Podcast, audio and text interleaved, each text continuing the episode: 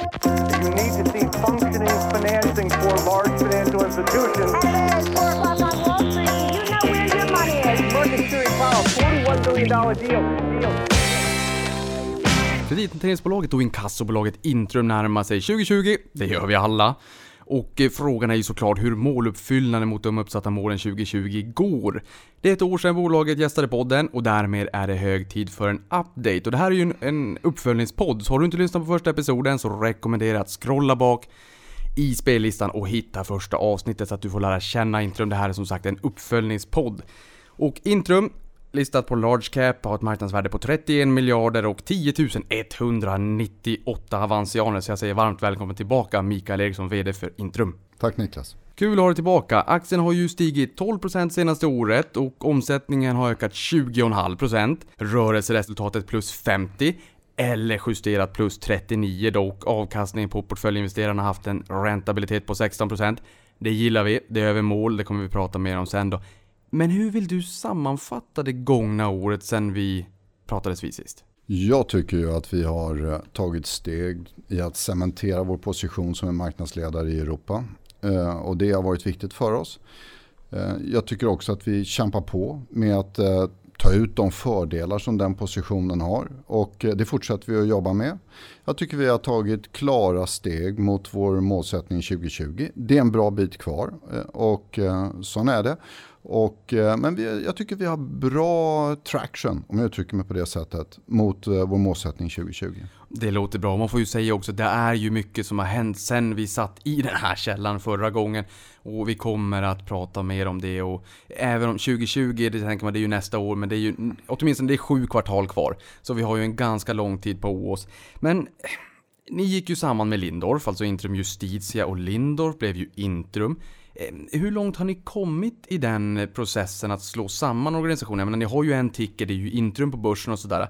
Men har ni kommit hela vägen i mål eller finns det fortfarande saker kvar att göra? Det finns alltid saker kvar att göra, men jag skulle säga i sin helhet så tycker jag faktiskt idag att vi är ett bolag. Vi är Intrum. När jag åker runt och besöker våra enheter så är det väldigt tydligt att mina medarbetare, eller våra medarbetare identifierar sig med Intrum, med våra värdeord, vår vision, vår mission att vara det marknadsledande bolaget. Så här tycker jag organisationen har gjort ett jättejobb och tagit stora kliv. Det är jag väldigt glad över. Ni har ju förvärvat en del eh, portföljer också och med det så kommer det också in nya medarbetare i Intrum-organisationen, eh, Intrum-familjen. Eh, när du säger att du är ute på besök och sådär, vart, vad besöker du mest just nu om man försöker liksom nyfiket ta reda på vad, vad det är som är intressantast att besöka nu?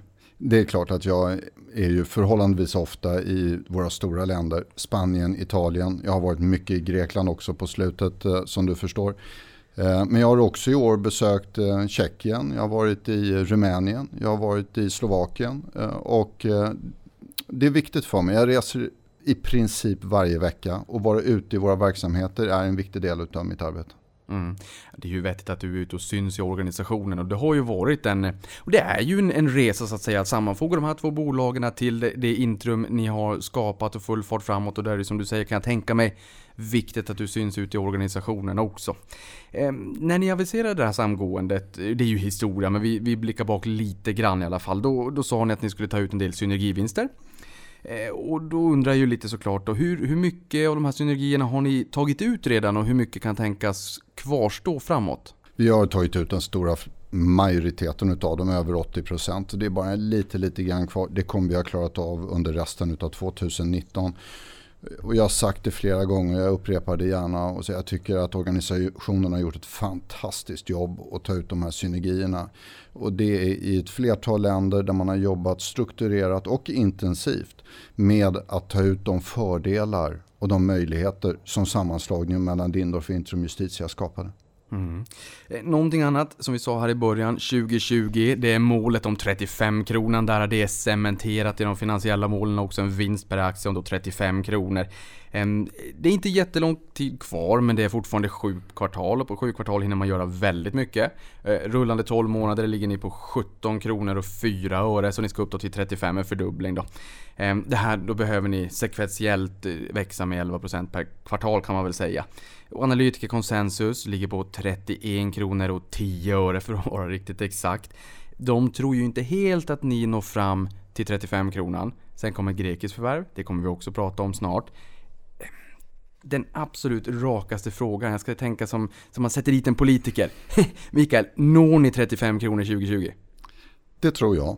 Eh, Det tror också min ledningsgrupp. Och låt mig, om jag får vara lite långrandig Du på den här vet att punkten. du får vara hur långrandig du vill Ja, här. vad snällt Niklas. Då är det ju så här, när vi satte upp den här målsättningen för nu eh, ett antal, ett och ett halvt år sedan. Eh, så, eh, och, och talade om 35 kronor per aktie vid utgången av 2020 så skulle den innehålla ett antal ingredienser. Vi sa så här att vår portfölj skulle växa till lite drygt 30 miljarder svenska kronor. Det är den faktiskt redan idag. Så vi kan säga att i någon mening är vi lite före vår egen kurva när det gäller investeringar i portföljer. Det är därför vi också idag talar om en normaliserad investeringstakt. Vi sa att portföljerna skulle hålla en avkastning på minst 13 procent.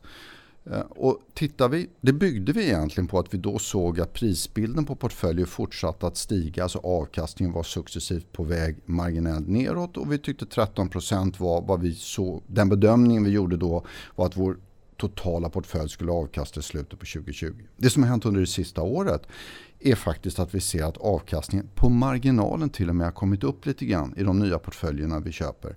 Så jag skulle vilja säga idag är vi faktiskt trygga på att vi når och kanske till och med kan slå de där 13 procenten i avkastning på vår totala portfölj vid utgången på 2020. Så om du tittar på investeringssidan så ligger vi faktiskt lite före kurvan även om många gånger kassaflödena kommer lite lite senare på portföljerna. Eh, Och det är det som man kan säga är fördelen med att investera tidigt i cykeln. Tittar vi på inkasseringssidan så talade vi då om att vi såg en marginalexpansion till lite drygt 30 procent.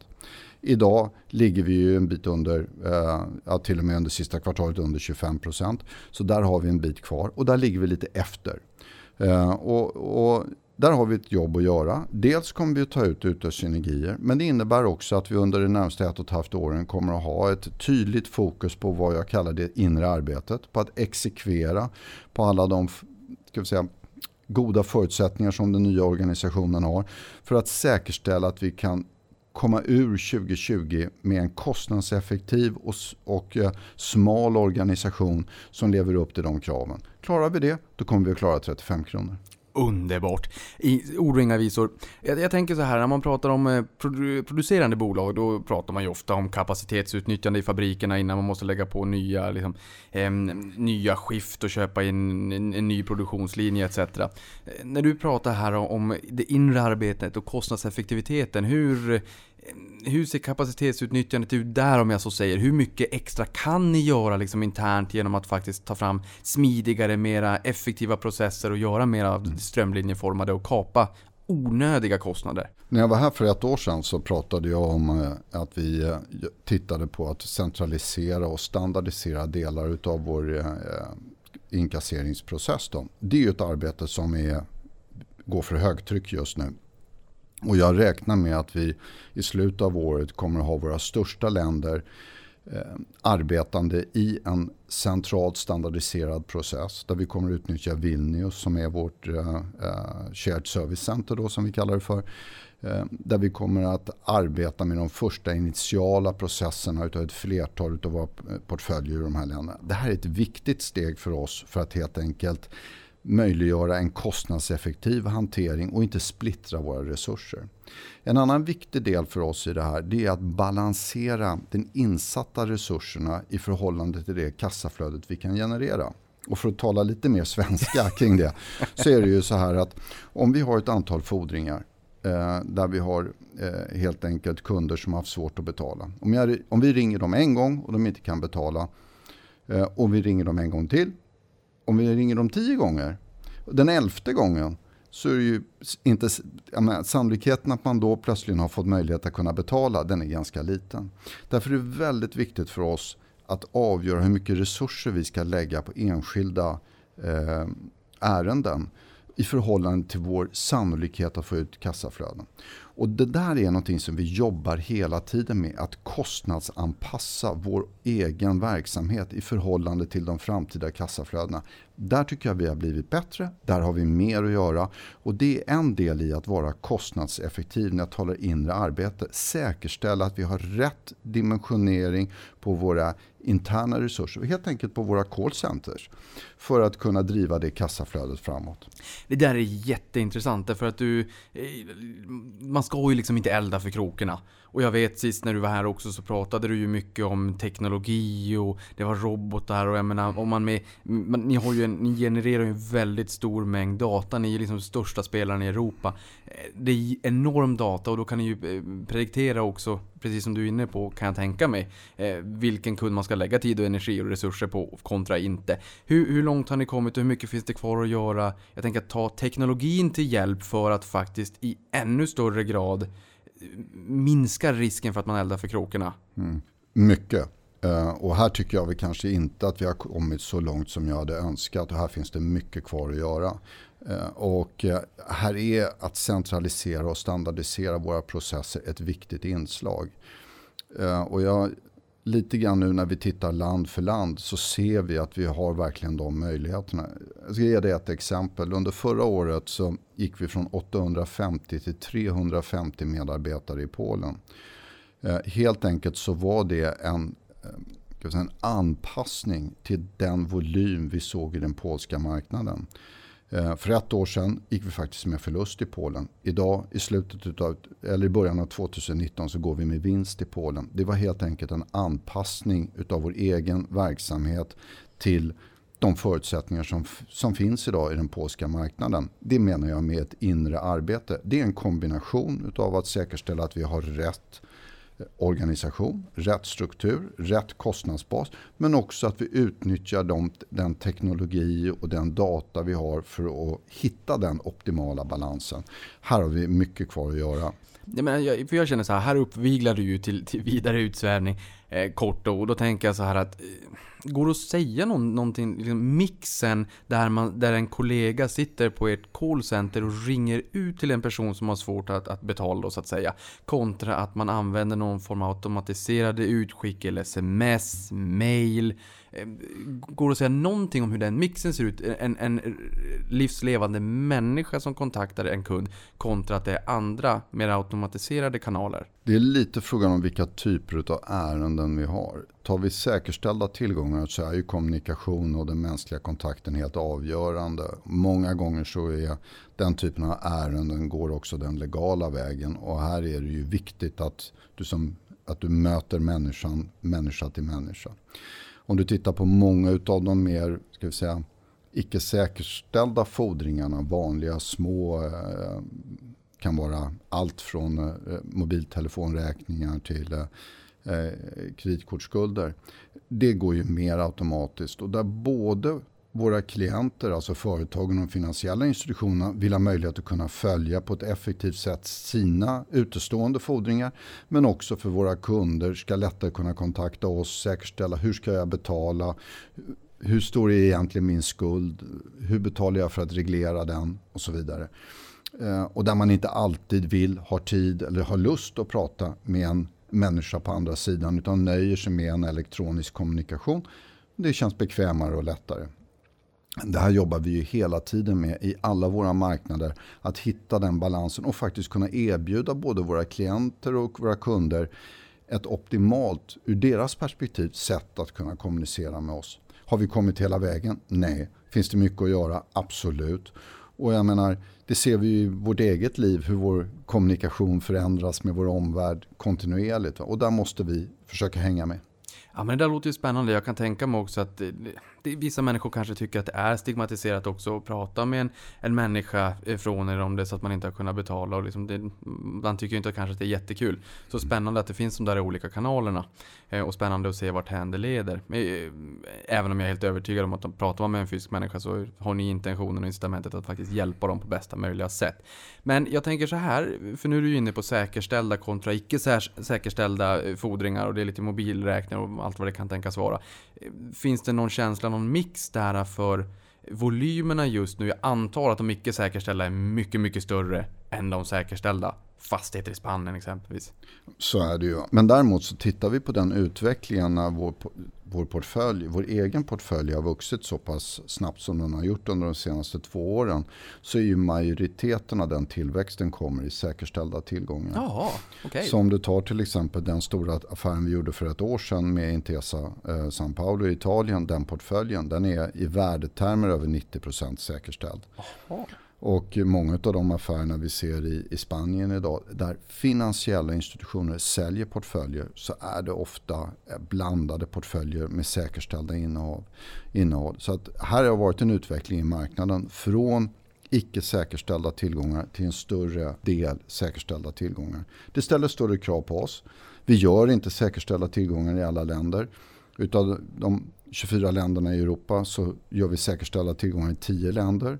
Vi ställer interna krav på att vi har rätt organisation, rätt struktur, rätt kapacitet och framförallt en, en tillräckligt stabil eh, in, säga, egen verksamhet. Att vi känner oss trygga i de länderna vi gör det i. Eh, och eh, när vi väl kommer dit hem så tycker vi att vi har väldigt goda erfarenheter och vi faktiskt investerar i säkerställda tillgångar utan att göra avkall på våra avkastningskrav. Snarare tvärtom, vilket kan vara lite förvånande, men så är det. Du får nästan i vår värld då bättre betalt för eller bättre avkastning på en säkerställd eh, portfölj än en icke säkerställd portfölj. Hmm. Men beror, eller betyder det också att, att priserna på en, en säkerställd portfölj, paradoxalt för det känns jättekonstigt, skulle vara lägre? Eller är det bara att ni är duktigare på att, att driva in den typen av, av fordringar? Ja, prisbilden är ju lite, den ser lite olika ut beroende på olika geografier och vilka förutsättningar som finns. Men jag, eh, man kan också säga det att jag tror eh, en anledning kan vara att vi ser lite mindre konkurrens i säkerställda. Eh, de är ju mer komplicerade, tar lite längre tid och kostnaden att inkassera i kronor och ören är ju faktiskt högre på en säkerställd fordran även om den i procentuella termer är mindre. Så det skapar en annan dynamik i vår affär och det gör också vår, vår resultatbild något mer volatil. Därför det blir lite mer beroende av enskilda eh, ärenden som sådant. Men det är en väldigt naturlig utveckling i marknaden just nu. Ja, men jag tänker i och med att precis, det, det, det, känns ju så spontant och precis som du säger, det kräver ju mer resurser. Eh, innebär det här också att ni kan lära er av ett land och ta den kunskapen vidare till ett annat land. För processerna för att driva in eh, en, en säkerställd fordran eh, ser ju säkert annorlunda ut med olika myndighetsinstanser och olika vägar så att säga. Men, men finns det någon form av, ska man säga, att ni bygger upp ett humankapital där ni kan dra nytta av det här i olika eh, länder? Eller ser det väldigt olika ut nere på kontinenten exempelvis? Nej, du har alldeles rätt. Vi använder ju den kompetens vi i första hand har byggt upp i både Spanien och Ungern eh, under de senaste åren, i både Italien och nu i Grekland. Eh, och det är väldigt naturlig utveckling för oss att utnyttja den kapaciteten. Och det är det jag menar när vi har tagit det lite successivt och är i tio länder idag. Det bygger på att vi tar det steg för steg, utnyttjar den kunskap vi har byggt upp i de länderna där vi idag är aktiva i säkerställda tillgångar och tar dem vidare till nästa land. Mm. Och då kanske vi, nu ska vi inte fastna vid det säkerställda, men att vi då ser att ni, ni finns ju inte bara i 10 länder, ni finns i 25. Korrekt. Ehm, då, då kanske vi kan ana att det här säkerställda kanske smittar av sig på några fler marknader framåt. Det tror jag och jag tror att det är en naturlig utveckling i marknaden. Vi tar det dock steg för steg och vi är ju naturligtvis också beroende av att våra klienter, de finansiella institutionerna, verkligen söker hjälp för den typen av tillgångar också. Ja, eh, och då tänker vi bara 35 kronor här då. Eh, vad är den största bidragande faktorn till att ni når målet? Vi har ju pratat mycket om den här interna effektiviteten, men är det så här, intäktstillväxt, ökad lönsamhet, kostnadsbesparingar, de går ju hand i hand. Eh, minskade räntekostnader, eller, eller om du får ge någon eller några som du känner, det är de här som kommer att bidra allra mest. Jag tror att eh, det är två saker i det. Det ena är ju naturligtvis de, de, affärer som vi har byggt upp och adderat till vår verksamhet under senare år. Vi talar både i Grekland, Italien men även i Spanien nu under 2019. Och sen är det det inre arbetet som pågår och som kommer att fortsätta under hösten och våren. Där vi jobbar med vår kostnadsbas och säkerställer att vi kan ha en riktigt effektiv verksamhet som driver upp marginalen i vår basaffär.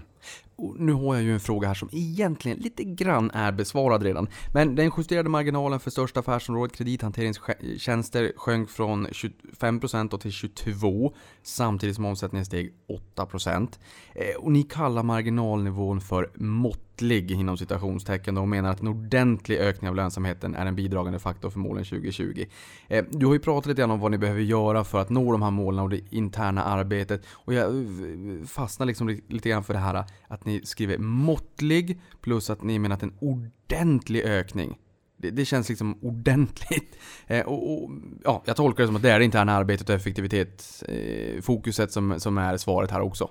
Helt enkelt. Ja, så är det ju. Sen är ju de två, 22 procenten, de är ju inte eh, de är jag ju naturligtvis inte nöjd med. Utan det där är någonting som vi ska fortsätta jobba med. När man tittar dock på siffran i det, mer i detalj så är det faktiskt så att Spanien är, och Italien under första kvartalet eh, bär en stor del av ansvaret för att vi landar på 22% Det är lite olika skäl bakom det. Italien så är det våra uppstartskostnader i vårt eh, partnerskap med Intesa San Paulo där vi är lite sena och vi har en del kvar att göra. I Spanien så är det med tekniska skäl där vi faktiskt går ur ganska stora volymer med väldigt höga marginaler och vi får en mer normaliserad eh, marginalsituation i Spanien som faktiskt påverkar hela gruppen. Tittar vi utanför Spanien och eh, Italien så växer faktiskt vår, vår marginal i vår basaffär, inkasseringsaffär med en procentenhet eh, år för år. Så det finns ju eh, ska säga, det är en effekt av ett antal stora. Eh, men 22% är för lågt och jag säger det igen. Fokus på internt arbete, fokus på vår kostnadsbas, fokus på att skapa effektivitet. Det är det vi kommer att jobba med det närmsta året.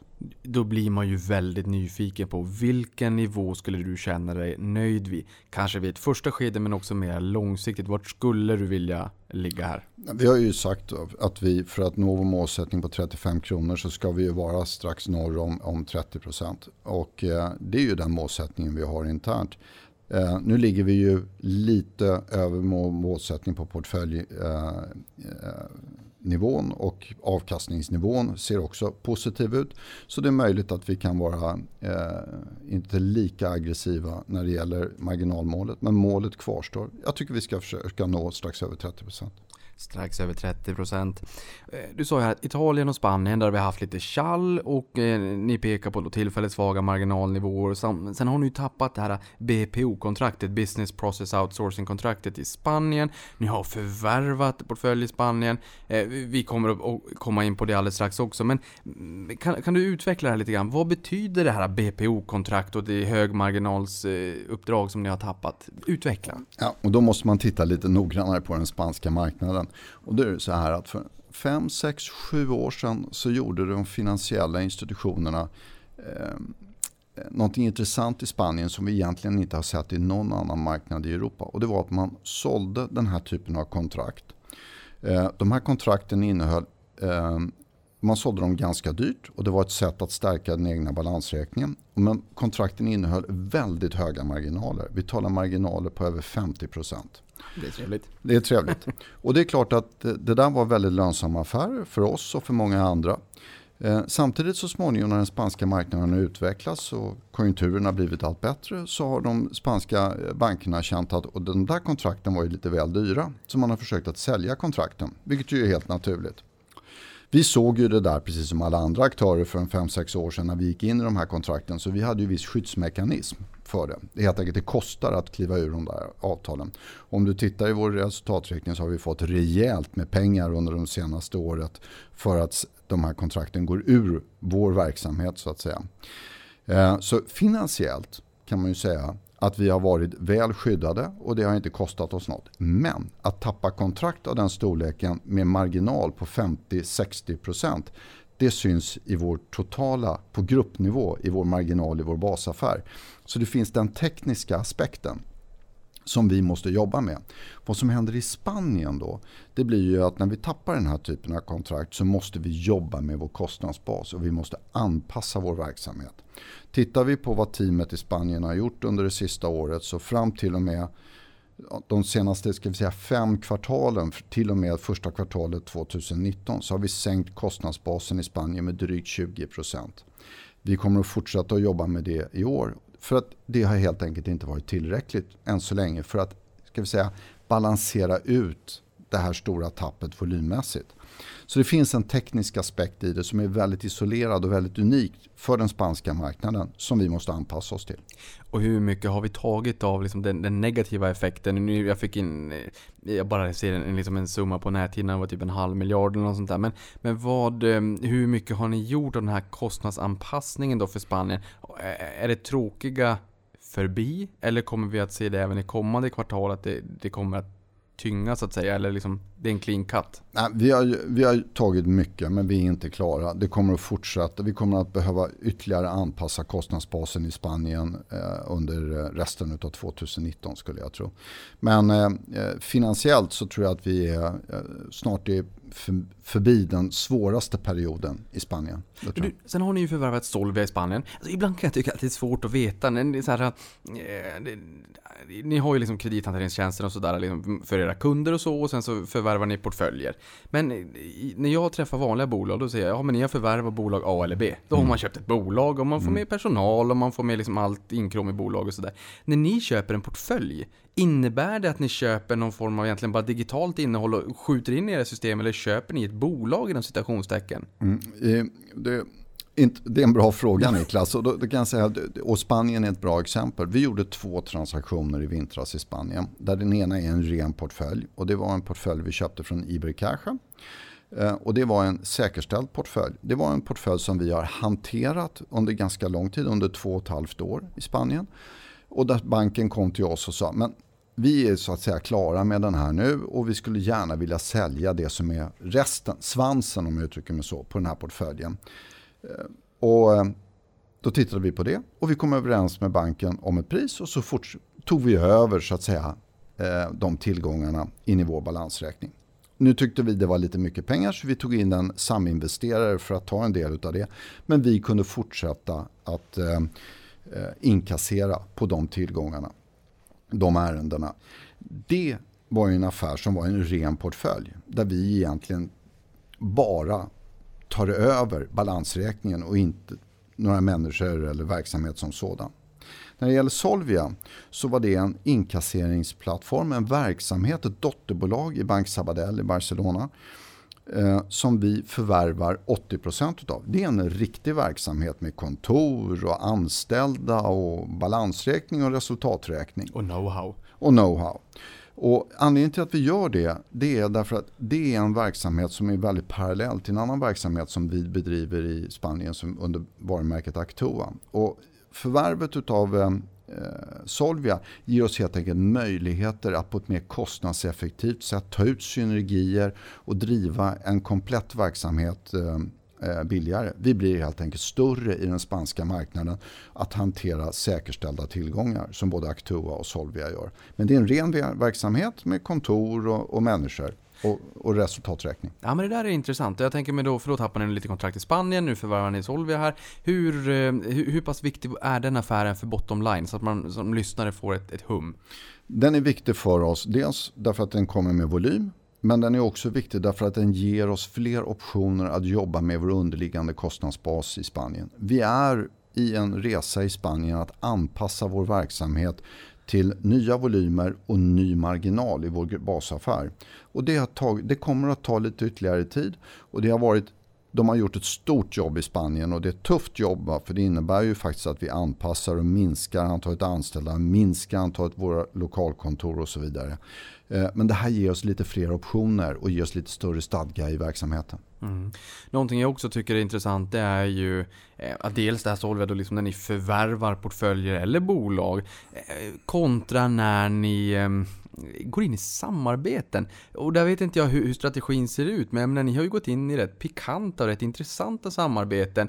Eh, med Intesa Sao Paulo, den andra kan jag inte uttala, Piraeus. Mm. Piraeus Bank, ja. Mm. I Grekland. Mm. Också en av fyra statligt backade banker och systemviktig i Grekland. Alltså hur, hur, ser, hur ser strategin ut där? Alltså att köpa portföljer kontra att ingå i väldigt stora samarbeten? Jag tycker det är jättespännande med de här samarbetena vi gör. Det är ju rena partnerskap med stora lokala, för att inte säga ledande och de största lokala bankerna i både Italien och, eh, och Grekland. Det ger oss förutsättningar att snabbt etablera en marknadsledande position där vi kombinerar vår kunskap som vi var inne på tidigare från många andra marknader och det vi har lärt oss under alla, alla år i vår sektor, nämligen sena betalningar, med bankens väldigt starka kunskap av den lokala marknaden och de lokala förutsättningarna. Allt annat lika så bör vi kunna bygga tillsammans väldigt starka värdeerbjudanden för den lokala marknaden. Inte bara för att hantera bankernas egna problemkrediter utan också för att hantera andra tredjepartsfordringar så att säga i de lokala marknaden. Jättespännande. Både affären med Intesa och affären med Pireus är långsiktiga. Vi har i grunden tioåriga kontrakt. Eh, I Grekland så är det till och med med option, det kan bli så långt som 14 år där vi jobbar. Vi har kommit jobba med hela Pireus Banks balansräkning, eller den del av balansräkningen som är av problemkaraktär. Det ger oss enorm förutsättning att bygga verksamhet i Grekland över många år framöver. Man tänker de här partnerskapen också, det är ju bra för bankerna om det är så att man får ut och städar balansräkningarna så att säga. Ehm, och så att det blir liksom, då blir partnerskapet, er partner blir ju mera solvent, mer, mm. mera liksom, mer sunda finanser. Men en fråga bara, svepande sådär, är det finns väldigt mycket problemkrediter ute i Europa, men påfyllnaden av problemkrediter. Hur ser den mixen ut? Att det finns mycket men flödar det in väldigt mycket nytt? Eller hur mår Europa? Jo, jag tror i grunden så är det väl så här. Europa mår lite bättre.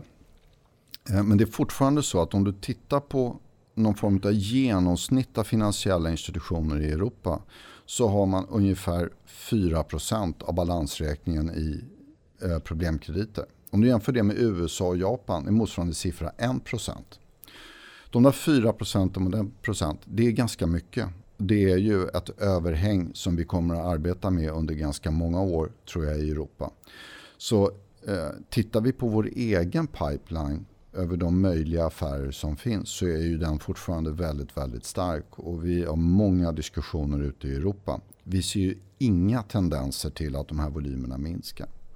Tittar vi sen på eh, ska vi säga, uppbyggnaden av nya problemkrediter så måste jag ändå säga att det är faktiskt intressant att titta i en del regioner. Tar vi inte bara här uppe i Norden, uppe i Sverige, så ser vi faktiskt och har sett under det senaste året att eh, volymerna på marginalen växer under våra existerande inkassokontrakt. Och eh, jag kan ju inte utesluta att det är klart det är ett tecken på att även den svenska ekonomin och den nordiska ekonomin som sådan börjar på marginalen bli lite mer ansträngd. Vi gör ju varje år en annan, ska vi säga, eh, observation som jag gör. Vi, vi gör varje år en, en, vad vi kallar för European Payment Report. Och vi har precis nu här i, i juni släppt en, årets version. Då, och där har vi varit ute och, och pratat med drygt 12 000 företagskunder runt om i Europa. Eh, och där ser vi faktiskt att eh, säga, de, de problemfyllda fordringarna eh, ökar från 2018 till 2019. På alla utestående räkningar, eller balansräkning så att säga, så ökar eh, den andel som företag inte får betalt med. Från 1,7 procent, vilket är lågt, till 2,3 procent, vilket är en eh, ganska hög ökning år från år. Så min tolkning är ju att eh, det kommer upp lite mörka moln på himlen på den europeiska marknaden och det kan bli lite tuffare. Är era kunder idag snabbare på att säga nej hörni, nu, vi, vi behöver pengar liksom. Vi, vi säljer av den här batchen med, med non-performing eh, eller loans blir det inte. Om man inte mm. har fått betalt för ett mobilabonnemang eller vad det kan vara och sen så batchar man ihop den där och säljer till er. Är man snabbare på den bollen i dagsläget än tidigare? Jag vet inte. Det är svårt att säga Niklas. Jag, det beror nog lite grann på. Jag tror dock att medvetenheten har ökat där ute. Eh, kassaflöde är väldigt, väldigt viktigt. Det är viktigt därför att banker kräver snabbare kassaflöden. Vi ser också att för finansiella institutioner så är de under fortsatt stor press från ECB och EU att hantera eh, sina nya problemkrediter tidigt. Titta bara vid årsskiftet. EU ändrade regelverket och ökade kapitalkravet för, eh, eh, för eh, problemkrediter ordentligt, vilket påverkar bankerna.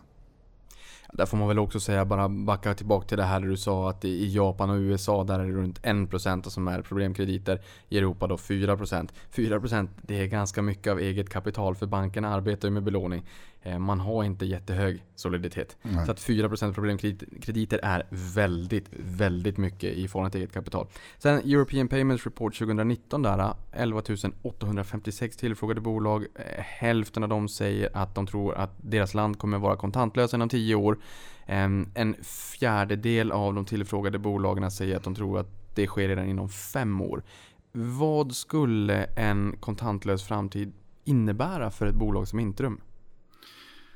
Ja, eh, jag tror ju i grunden att någonstans så innebär ju det att folk eh, betalar mer med kortlösningar, olika typer av krediter. Och jag tror allt annat lika att det är eh, gott för ett bolag som Intrum. Vi jobbar ju med sena betalningar och det är ju en, en kommer upp, där kommer vi att ha ett utrymme och en, en verksamhet och ett ändamål att fylla. Jag tänker så här, om mer och mer betalningar migrerar mot eh, elektroniska alternativ med kort eller vilka betallösningar det än är, så genereras det ju enorma mängder data. Den datan är såklart känslig, vi lever i en sån tidsålder, kolla bara på FANG-bolagen och diskussionen kring mm. integritet. Men skulle det på något sätt kunna gynna Intrum om man med samarbete, med partnerskap på något sätt kan få in ännu mer data och förstå kunden innan de hamnar hos er innan det har blivit en, en, en, en skuld, så att säga, som en obetald fordran? Nu är du inne på ett känsligt område ja. naturligtvis. Och ett område där vi är väldigt noggranna med hur vi hanterar vår egen data. Och eh, det är riktigt, länderna, här ser ju länder lite olika ut vilken typ av offentlig statistik som finns. Och, och eh, jag menar, I Sverige finns det ju flera företag som säljer den typen av kreditupplysningar. Eh, vi jobbar ju inte riktigt på det sättet. Vi, I några geografier så, så har vi den möjligheten och då gör vi det på marginalen. Men det är regleringar faktiskt som styr hur mycket vi kan använda vår egen data till att bygga produkter för våra klienter. Eh, och jag är väl lite känslig på det här området. Jag tycker att data är en, en, en, väldigt viktig fråga och hanteringen av data är väldigt, väldigt viktigt. Och vi lägger ganska stor kraft internt på att säkerställa att vi hanterar det på ett riktigt sätt. Mm. Finns det några andra reflektioner, key takeaways från den här rapporten som, eh, som du vill lyfta fram? Nej, jag var inne på det lite kort tidigare. Va? De här cirka 10-12 000 eh, företagen. Det jag tycker faktiskt är intressant det är att på europeisk nivå så är det 4 av 10 företag som eh, ser en recession inom två år. I Sverige är det 6 av 10 företag. Och det, det, det, det är tydligt tycker jag och det är en förändring från förra året att vi ser att företagen runt om i Europa förbereder sig för lite dystrare tider, för en annalkande lågkonjunktur. På betalningssidan som är grunden till den här European Payment Report där vi tittar på betalningstider så ser vi ingen förbättring överhuvudtaget på europeisk basis. Eller för den del här i Sverige. Det är, om jag får uttrycka mig så, lika dystert fortfarande. Dysterkvist. Ehm, jag tänker någonting annat här. Det är liksom mera filosofisk fråga. Vi ska inte fastna på den jättelänge för jag har så jädrans många frågor. Men då, min strategi brukar alltid vara att om jag har mycket frågor och tiden är knapp då pratar jag fortare. Då får ni slöa ner podden för det går i en mobiltelefon. Bara en 0,5 gångers hastighet. Men vilken samhällsfunktion fyller Intrum? För ibland hör man så nej det där ska jag aldrig investera i. Det där, och det där är inte bra. Och man liksom försöker lugga människor. Men det är ju inte det det handlar om. Men, men på den frågan, vad, vad fyller ni för samhällsfunktion? Vi ser ju oss som en viktig del av det finansiella systemet. Den delen som jobbar med sena betalningar. Och, och här tycker vi att vi är en vi talar om att vi är en, en, en, katalysator för en sund ekonomi. Och där vi hjälper klienter att få betalt för, för saker som de har, har sålt varor och tjänster och där de har svårt att få betalt. Och för de kunder som har köpt någonting som de har svårt att betala för så försöker vi hjälpa till för dem att hitta ett sätt att betala och skapa en avbetalningsplan eller annat. Det här är en viktig del i, i ett samhälle som många gånger bygger på, eller där krediter är en viktig del. Krediter är en viktig del utav de finansiella systemen i Europa och i världen idag kontokort och krediter av olika slag är normala betalningsmedel idag. Eller används som betalningsmedel. Och därför är det här viktigt. Mm. Ja, det är ju också, det, det, är ju väldigt intressant för jag menar det är klart att som du sa där, 6 av 10 bolag tror på en recession och en recession brukar ju föranleda till en björnmarknad på börsen. Allt som oftast det brukar gå hand i hand just att börsen då faller med minst 20% från toppen. Ofta sammanfaller det med, med en recession.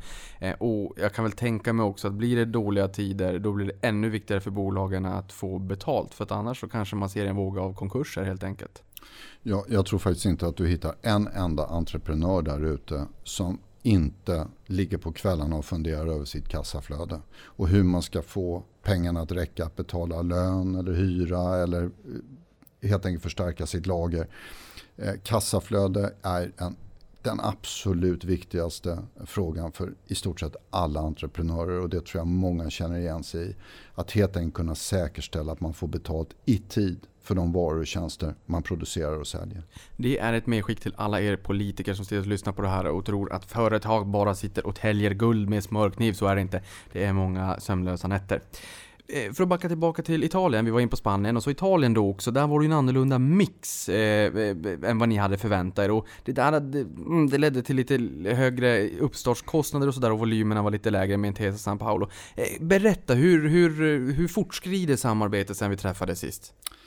Ja, vi tycker att det går alldeles utmärkt. Och tittar man på, eh, det är klart att vi etablerar ett partnerskap och ett gemensamt bolag. och här är det klart att eh, vi kan väl tycka lite grann på Intrums sida att en bank är lite långsammare och lite mer byråkratisk än vad vi är på Intrum och därför tar det lite längre tid att få ordning på alla processer och allt det samarbete. Det kan jag tänka mig. Eh, så när det. Tittar vi däremot på portföljen så var vi ju det jag var lite orolig för för ett, ett drygt år sedan, det var faktiskt tajmingen i kassaflödena. Och eh, vi var ganska trygga och säkra på själva värderingen av portföljen. Vi hade lagt så mycket tid och så mycket kraft. Så där var vi inte oroliga. Men tajmingen är man alltid lite orolig för. Och I våra beräkningar blir tajmingen av kassaflödet väldigt, väldigt viktigt när vi tittar på avkastningskurvan. Som det, jag förmodar att det är på alla investeringar. Eh, och då så jag är ju väldigt glad idag när jag ser hur kassaflödet faktiskt flyter i portföljen. Och vi har varje kvartal sen Eh, brytpunkten för portföljen, vilket var 1 januari 2018, eh, överträffat eller åtminstone varit i paritet med eh, våra egna eh, prognoser från början. Tittar vi på första kvartalet i år så registrerar vi ju en avkastning på 26% på portföljen. Men jag har sagt flera gånger, tro inte att vi har räknat fel och att det, vi, vi, utan vi kommer att landa på en avkastning i portföljen på mellan 14 och 16 procent som vi har sagt från början. Utan det är lite timing i kassaflödena. Totalt sett, lägger vi samman portföljen och eh, själva inkasseringsverksamheten så ligger vi bättre än, än eh, vår affärsplan från början. Eller åtminstone i linje med det. Det känns jättebra. Framförallt vad som är kul är ju alla de dialoger vi har i Italien och de, de diskussioner vi har om att addera ytterligare volymer in i plattformen. Det är jättespännande. Och det tycker jag är viktigt för det var också en av ska vi säga, argumenten från att göra affären. Det vi idag kallar Intrum Italy är ju idag en ledande plattform i Italien för den här typen av problemkrediter. Det känns jättekul. Mm. Nu kan man väl säga Gud förbjude att man har alla sina pengar i spargrisarna. och kanske en buffert om man så vill. Men inte, inte det andra. Därför att då liksom inflationstrollet kommer att käka upp det här så att cash is not king. Fast i det här fallet så är det ju det. Om man har investerat i Intrum eller vilket annat börsbolag som helst. Men, men där är ju verkligen kassaflödena är ju A och O. Inte vinsterna kanske det är bokföringstekniskt lull till höger och vänster. Utan eh, cash is king när det kommer till kassaflödena i bolagen. Eh, i senaste rapporten skriver ni att den europeiska marknaden, det är ganska bra momentum och också att ni ser att eh, på marginalen just som du var in på här då att, att eh, avkastningen kan stiga lite grann. Första frågan, kan det vara så att vi reviderar upp den här nivån från 13% och lite högre upp? Och den andra frågan, börjar det vara bra priser på portföljer där ute? Vi ehm, har ju under flera år sett en marknad där priser på portföljer har stigit och därmed då som spegelbild och avkastningen har sjunkit. Och det har ju präglat marknaden under flera år. Och det har sina skäl och det kan vi diskutera. Det vi har sett under hela 2018 är faktiskt en, vad vi kallar för en stabil prisbild på portföljer. Och när vi tittar på första kvartalet 2019 och då ska man komma ihåg att vi på Intrum vi köper kanske en portfölj varje dag. Många av dem är ju väldigt, väldigt små där ute i verksamheten. Om jag tar genomsnittliga förväntade avkastningen på alla de portföljerna som vi köpte i första kvartalet 2019 och så jämför jag det med samma siffra 2018. Genomsnittet av alla portföljer vi köpte under första kvartalet 2018, alltså år mot år. Så är faktiskt den genomsnittliga avkastningen, förväntade avkastningen, lite drygt en procentenhet högre första kvartalet i år. Eh, jag håller med. Det man kan ha synpunkter på en sån jämförelse. Det är lite olika typer av tillgångar. Det kan vara olika länder och det kan vara olika jämförelser. Och man ska inte dra allt för stora växlar på det. Men det är trots det en procentenhet högre. Så vi säger så här eh, i vår kommunikation och det står jag verkligen för. Vi ser en stabil prisbild på marginalen, till och med en förbättrad prisbild på, på portföljer. Jag tror att det har ett antal olika skäl till det. Ett är att vi faktiskt ser ett fortsatt ökat tryck på framförallt finansiella institutioner att hantera sina problemkrediter. Det andra är att vi på marginalen har sett lite färre konkurrenter där ute. Flera av våra konkurrenter har haft lite mer större bekymmer med att finansiera sina balansräkningar. Kreditmarknaden har blivit lite, lite tuffare. Och det tredje är, tror jag och hoppas jag, att vi på Intrum har en, byggt upp en förmåga att utnyttja vår verksamhet i 24 eller 25 länder att helt enkelt fördela vårt kapital på ett effektivt sätt och faktiskt investera där vi ser att det ger oss bäst förväntad avkastning. Mm. Det är också intressant för jag menar, de här marginalerna det gör ju jättemycket. Jag menar, eh, köpa portföljer med förfallna fordringar utgjorde 40% av topline föregående räkenskapsår men utgjorde 60% av bottomline. Så då inser man ju också liksom att varje procentenhet gör verkligen stor skillnad. Absolut. Eh, du pratade tidigare här om en normalisering av portföljinvesterarna. Jag tyckte det var lite intressant, rolig kuriosa där att ni köper lite grann varje dag. För det kanske man inte tänker på. Utan att ni drämmer till med något stort förvärv och så står det i tidningen och sådär. Men att det finns någon form av plattform, någon form av ert typ av Hemnet som ni loggar in på mm. dagarna. Ser vilka portföljer finns det, vad är det för priser, den där slår vi till på. Och sen går vi och tar kaffe. Men just normaliserade portföljinvesteringar då. 1,3 miljarder takten i senaste kvartalet. Räntabilitet på 16%. Över mål om 13 då.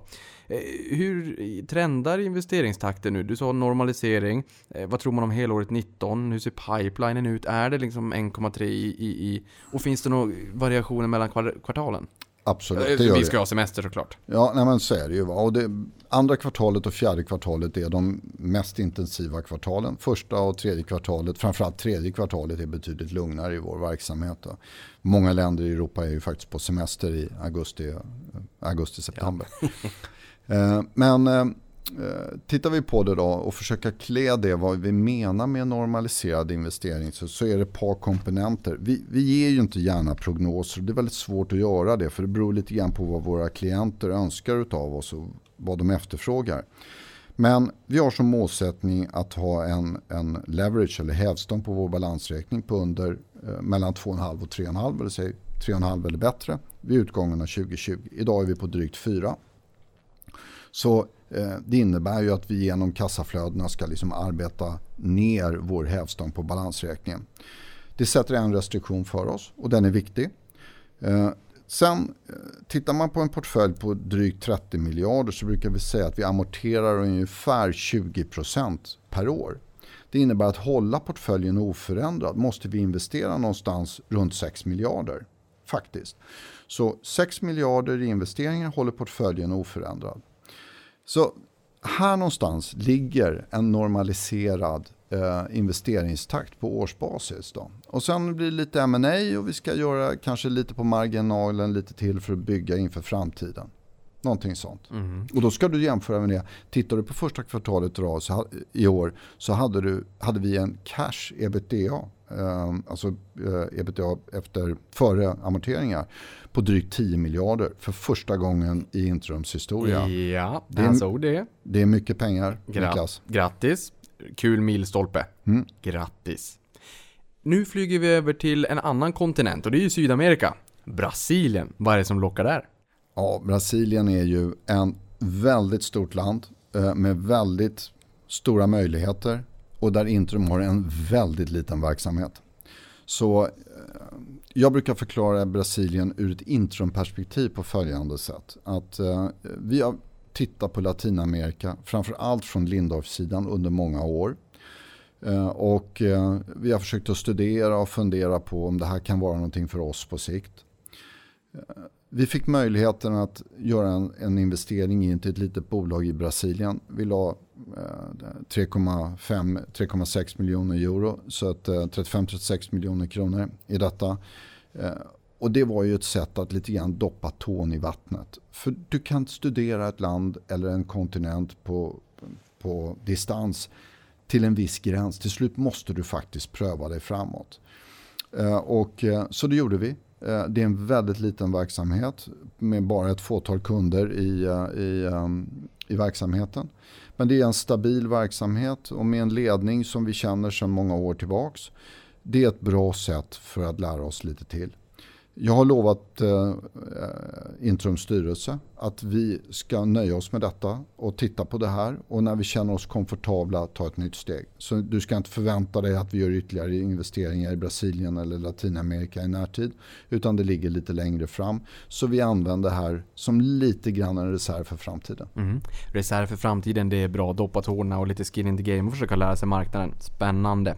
Någonting annat, det är inte bara din fru Kristina som har rötter i Grekland utan även ett senaste förvärv av statligt kontrollerade Pireus Bank har jag fått lära mig det också att det heter. Eh, ni betalar 3,5 miljarder kronor för, ja ni betalar i utländsk valuta, men motsvarande då för 80% av bolaget, alltså 11% av ert börsvärde motsvarande. Eh, och här får ni då förfallna fordringar på över 280 miljarder kronor och fastigheter får ni lite grann också. Och man tänker så här att det ska vara en 3 kronor i vinst per aktie nästa år. Med det här så blir ni ju marknadsledare på en marknad som är ganska omogen men som kanske då är värd 90 miljarder euro så det är en av Europas största marknader. Kan du berätta mer? Vad är det, liksom, vad är det som gör Grekland så spännande just nu? Tittar man på den grekiska marknaden så har ju den gått igenom och du och jag pratade om det för ett år sedan också. Eh, eh, ganska nu många år av väldigt tuff ekonomisk eh, situation. Tittar man på de grekiska bankerna, det finns fyra grekiska systemkritiska banker. De har i genomsnitt 45% av sina balansräkningar i problemkrediter. Så det finns ju en väldig koncentration utav eh, problemfyllda krediter i den grekiska marknaden. En karaktäristik av den grekiska marknaden är att det inte finns några oberoende eh, vad vi kallar inkasseringsplattformar, alltså verksamheter för att inkassera på finansiella problemkrediter. Allting ligger i bankerna och det här har varit en, en viktig fråga och en viktig fråga för den grekiska marknaden. Vad vi nu gör när vi köper eh, Pireus Banks, eller 80% av Pireus inkasseringsverksamhet och då vill jag säga det, det är ju ingen portfölj. Det här är en verksamhet. Det är 1200 medarbetare i, i, i Grekland som kommer att vara anställda av Intrum Grekland eller Intrum Hellas. Och eh, där vi kommer att driva verksamheten och konsolidera verksamheten. Men där vi jobbar med hela Pireus balansräkning av problemfyllda krediter. Och den är ju på nära, som du sa, Eh, 300 miljarder kronor. Så det är en stor eh, verksamhet och en viktig del även för Pireus Bank. Eh, vi tror att vi också tillsammans då med Pireus kan skapa ett värdeerbjudande på samma sätt som vi gjorde i Italien för övriga delar av den finansiella marknaden i, eh, i Grekland. Vi kommer att naturligtvis använda kunskaper från alla andra länder och jag tror kunna skapa en verksamhet som har den effektivitet och, och kompetens som eh, är nödvändig och där vi också kan erbjuda andra finansiella institutioner en plattform att inkassera eh, deras problemfyllda tillgångar på. Så det ser verkligen, jag ser verkligen framåt det. Jättespännande. Eh, nu reserverar jag mig här för det här skrev jag sent igår natt. Så det är just min uträkning här. Men, men jag vet att eh, förra året då vi pratade om det här, då hade ni ju köpt en portfölj från Eurobank för 3% av nominellt värde. Alltså 3 kronor per hundralapp då i nominellt värde. Sen driver man ju inte in allting såklart så att säga. Men det blir en rätt bra räntabilitet på det ni drar in. Och en överslagsräkning här, 3,5 miljard på 80% av 280 miljarder, eller nästan 300 miljarder då.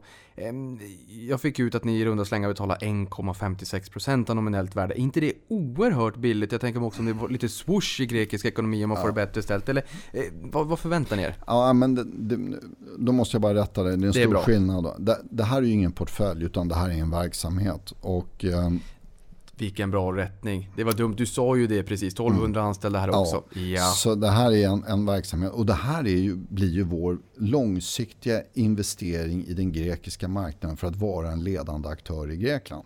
Och eh, jag hoppas ju att vi på sikt ska kunna addera volym och kanske också köpa portföljer i Grekland och lägga på den här plattformen och jobba med det. Men eh, det här är ju en, en långsiktig investering där vi har ett avtal om minst 10 år att jobba tillsammans med banken. Men, men vad tror du då också? För eh, i fjol då Eurobank 3% nominellt. Fin, de portföljerna som finns där ute och köpa och sådär. Eh, är det på de nivåerna där eller lite dyrare eller lite billigare?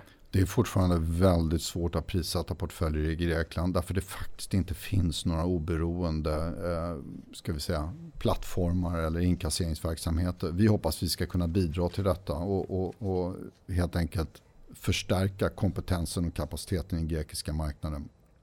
Och eh, det är idag väldigt varierad prissättning beroende på vilken kvalitet, pass färska som vi säger krediterna är och så vidare. Eh, väldigt olika, väldigt svårt att dra en gemensam bild. Men det som är tydligt och gemensamt för alla det är att man kämpar med att hitta en, en riktig prisbild. Mm, ingenting är sällan svart eller vitt. Eh, för drygt ett år sedan så aviserades ju att Danko Maras lämnade Cloetta för att bli finanschef hos er. Eh, och nu ett år senare då så lämnar han och sen tar ni in investeringschefen Anders Engdahl då, som tar över den här rollen. Eh, och där skrev ni också att ni behöver den här breda erfarenheten just från kreditsidan. Vad kommer eh, Anders in med för kompetenser som kan gynna er nu framåt? Han är ju gammal i gamet i bolaget men som, i rollen som finanschef. Första skulle jag vilja säga det är att, att eh, eh Danko är en eh, utomordentligt professionell, lojal och hårt arbetande person. Och eh, har väldigt många förtjänster. Eh, så att, eh, då har jag, sagt det. Det Anders kommer med det är en lång erfarenhet av både den finansiella marknaden och inkassoverksamheten. Och Danko och jag var överens om att det här är trots allt en viktig del av att vara finanschef i en sån här verksamhet som är så präglad utav eh, finansiella förtecken och finansiella företag som sådant. Och det är klart att Anders har jobbat hela sitt liv i den finansiella sektorn. Eh, först i bankvärlden och nu många år inom eh, inkassobranschen. Han kan vår verksamhet i detalj. Och eh, eh det tror jag blir bra. Mm. Ehm, Tittar vi på investerarkollektivet, 14,9% av aktierna är blanka. Det här är sedan tidigare. I fjol sa du det här också att man har finanskrisen färskt i minne och många, inte minst jänkare, vill ha en exponering och då blir ni en proxy och så blankar man er så att säga. När du träffar blankarkollektivet, eller när du träffar analytiker och när du träffar de som har blankat aktien. är det någon skillnad alls i vad man, hur man argumenterar eller är det liksom same same som i fjol? Nej, det är nog same same som i, i fjol. Och, och, eh, vi har väl konstaterat det eh, på Intrum i varje fall. Att vi fortsätter att leverera på vår strategi och vår plan. Och eh, så hoppas vi att marknaden så småningom ska se värdet utav det. Mm. Min sista fråga, det blir för de som säger att ah, risken i Intrum har gått upp nu. Du, ni, vi ser ju här i Italien med Intesa San Paolo, en av eh, Italiens största banker. Piraeus i Grekland som är en av fyra eh, banker som är too big to fail och statligt uppbackade. Eh, då tycker inte jag att det känns som att risken har gått upp jättemycket. Men för de som säger att det har det, vad har du att säga till dem? Jag skulle säga att i Intrum så finner man idag ett bolag som har vuxit till att bli marknadsledande i Europa. Som är eh, den, det industriella eh, alternativet i de flesta marknaderna för sena betalningar. Vi är idag eh, den, vad vi kallar för den preferred eh, samtalspartnern med stora finansiella institutioner i Europa. Intesa San Paolo, Piraeus, Bank Sabadell är exempel på detta. Där vi under det senaste året har genomfört eh, samarbeten och partnerskap.